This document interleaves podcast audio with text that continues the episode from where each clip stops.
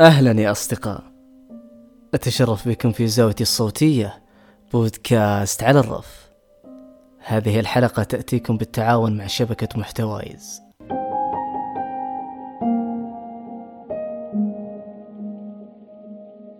يوم كنا صغار أكثر ثاني سؤال نسمعه من المعلمين والمعلمات بعد وش بتصير إذا كبرت؟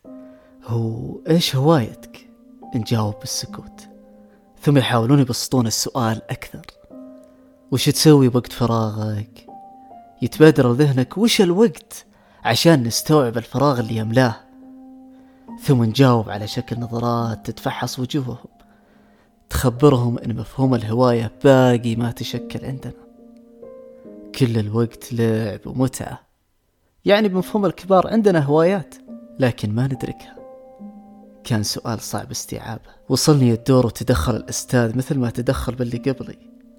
وقال لي مثل لعب كرة القدم القراءة والكتابة. قلت إيه لعب كرة القدم والقراءة والكتابة. وكنت أقصد فيها كورة كورة كورة لا قراءة ولا كتابة. كنت مغرم فيها لدرجة الهوس.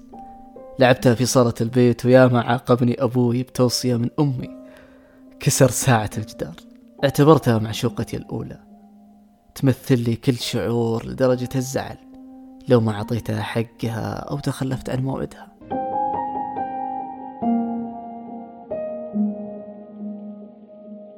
على الطرف الأيسر من الملعب أركض بكامل سرعتي في هجمة مرتدة على مرمى الخصم.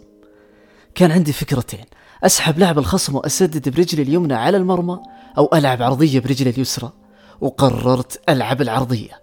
وفي هاللحظة تعثرت وقبل السقوط حسيت بفرقعة بركبتي وكهرباء بكامل جسمي مع صوت طق مثل قطع الخيط المطاطي. سقطت على الأرضية الترابية وصرخت صرخة تحمل ألم جسدي لكن ما يوازي الألم المعنوي. لأن حدث اللي خايف منه وأتفاداه طوال السنوات الماضية. إصابة بالركبة تبعدني عن الكورة.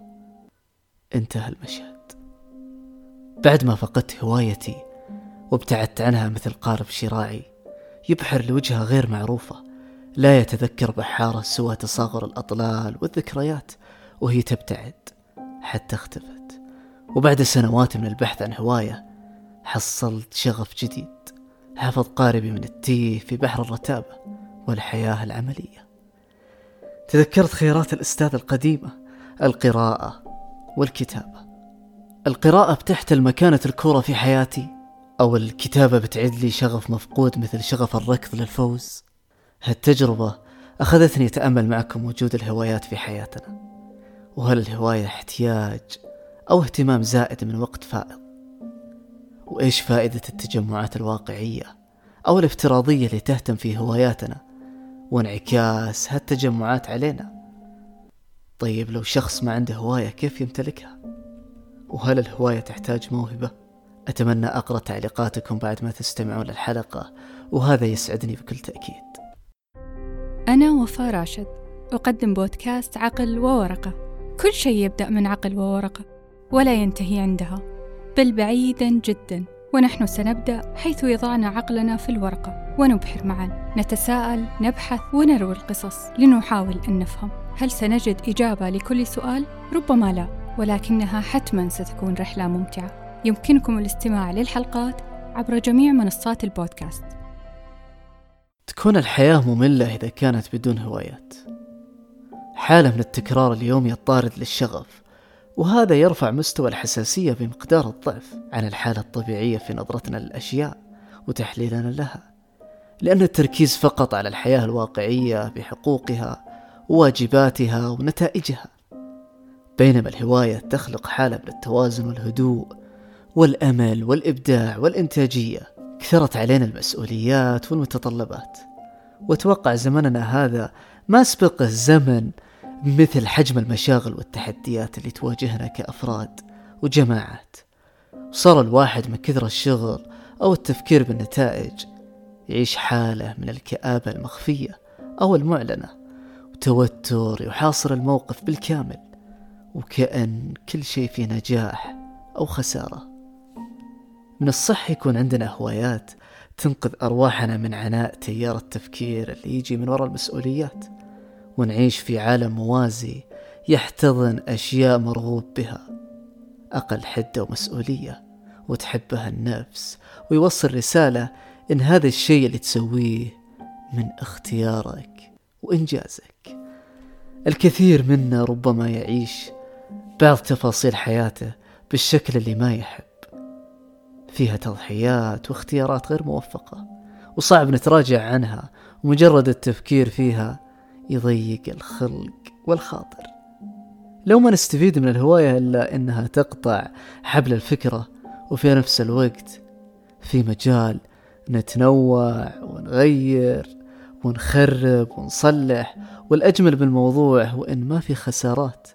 ولو صارت خسارة فهي معنوية وما فيها دفع تكلفة.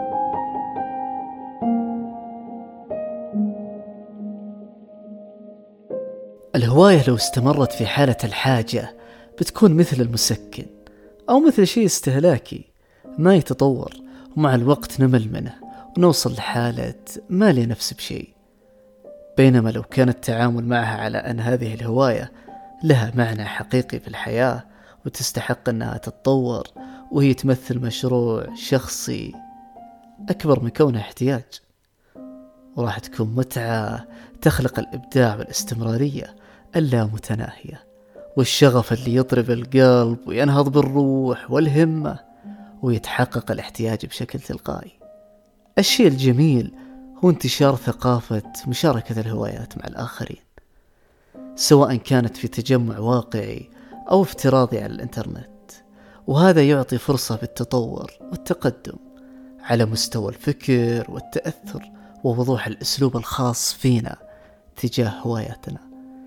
مثلا لو كنت كاتب وكنت في تجمع كتاب بسهولة يكون عندك أسلوبك الخاص في الكتابة والأمثلة كثيرة في جميع نواحي الحياة أو جميع الهوايات. وجودنا في مثل هالتجمعات يخدمنا ويختصر سنوات من الخطوات اللي توصلنا للاحتراف وأسرع منا لو كنا نمارسها لوحدنا.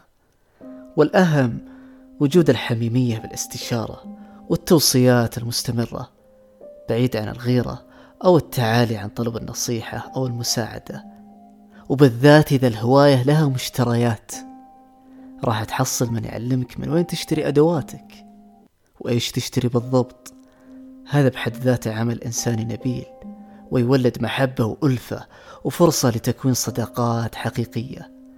ويا الله ما أجمله من شعور يكون صديقك يشارك نفس الهواية ونفس الشغف.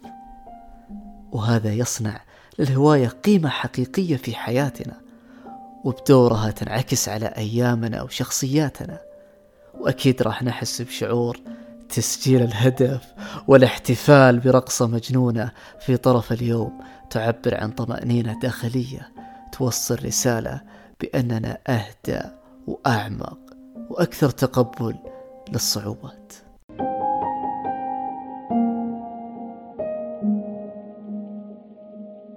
كثير تعتبر هواياتهم مصدر كسب لهم سواء مادي أو اجتماعي. وبعيد عن هالكلام المكرر اللي دايم نسمعه تعبوا وصبروا وأنجزوا.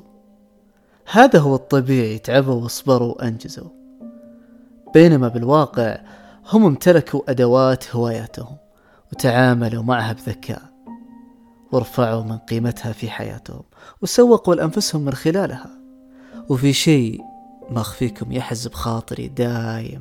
إذا كان في إنسان عنده هواية لكن يخجل أنه يظهرها أو يخجل أنه يعرضها للناس أو ربما تعرض الموقف سواء من نقد أو من طقطقة وسخرية واللي صراحة يزعلني أكثر إنه فعلا مبدع ويقول إنتاجي عادي ما يرتقي إني أشاركه مع الناس. طيب أقول لك شيء. كل اللي عندهم إنتاجات تتوقع بأن بدايتهم احترافية أو ما فيها أخطاء. أترك الإجابة لك.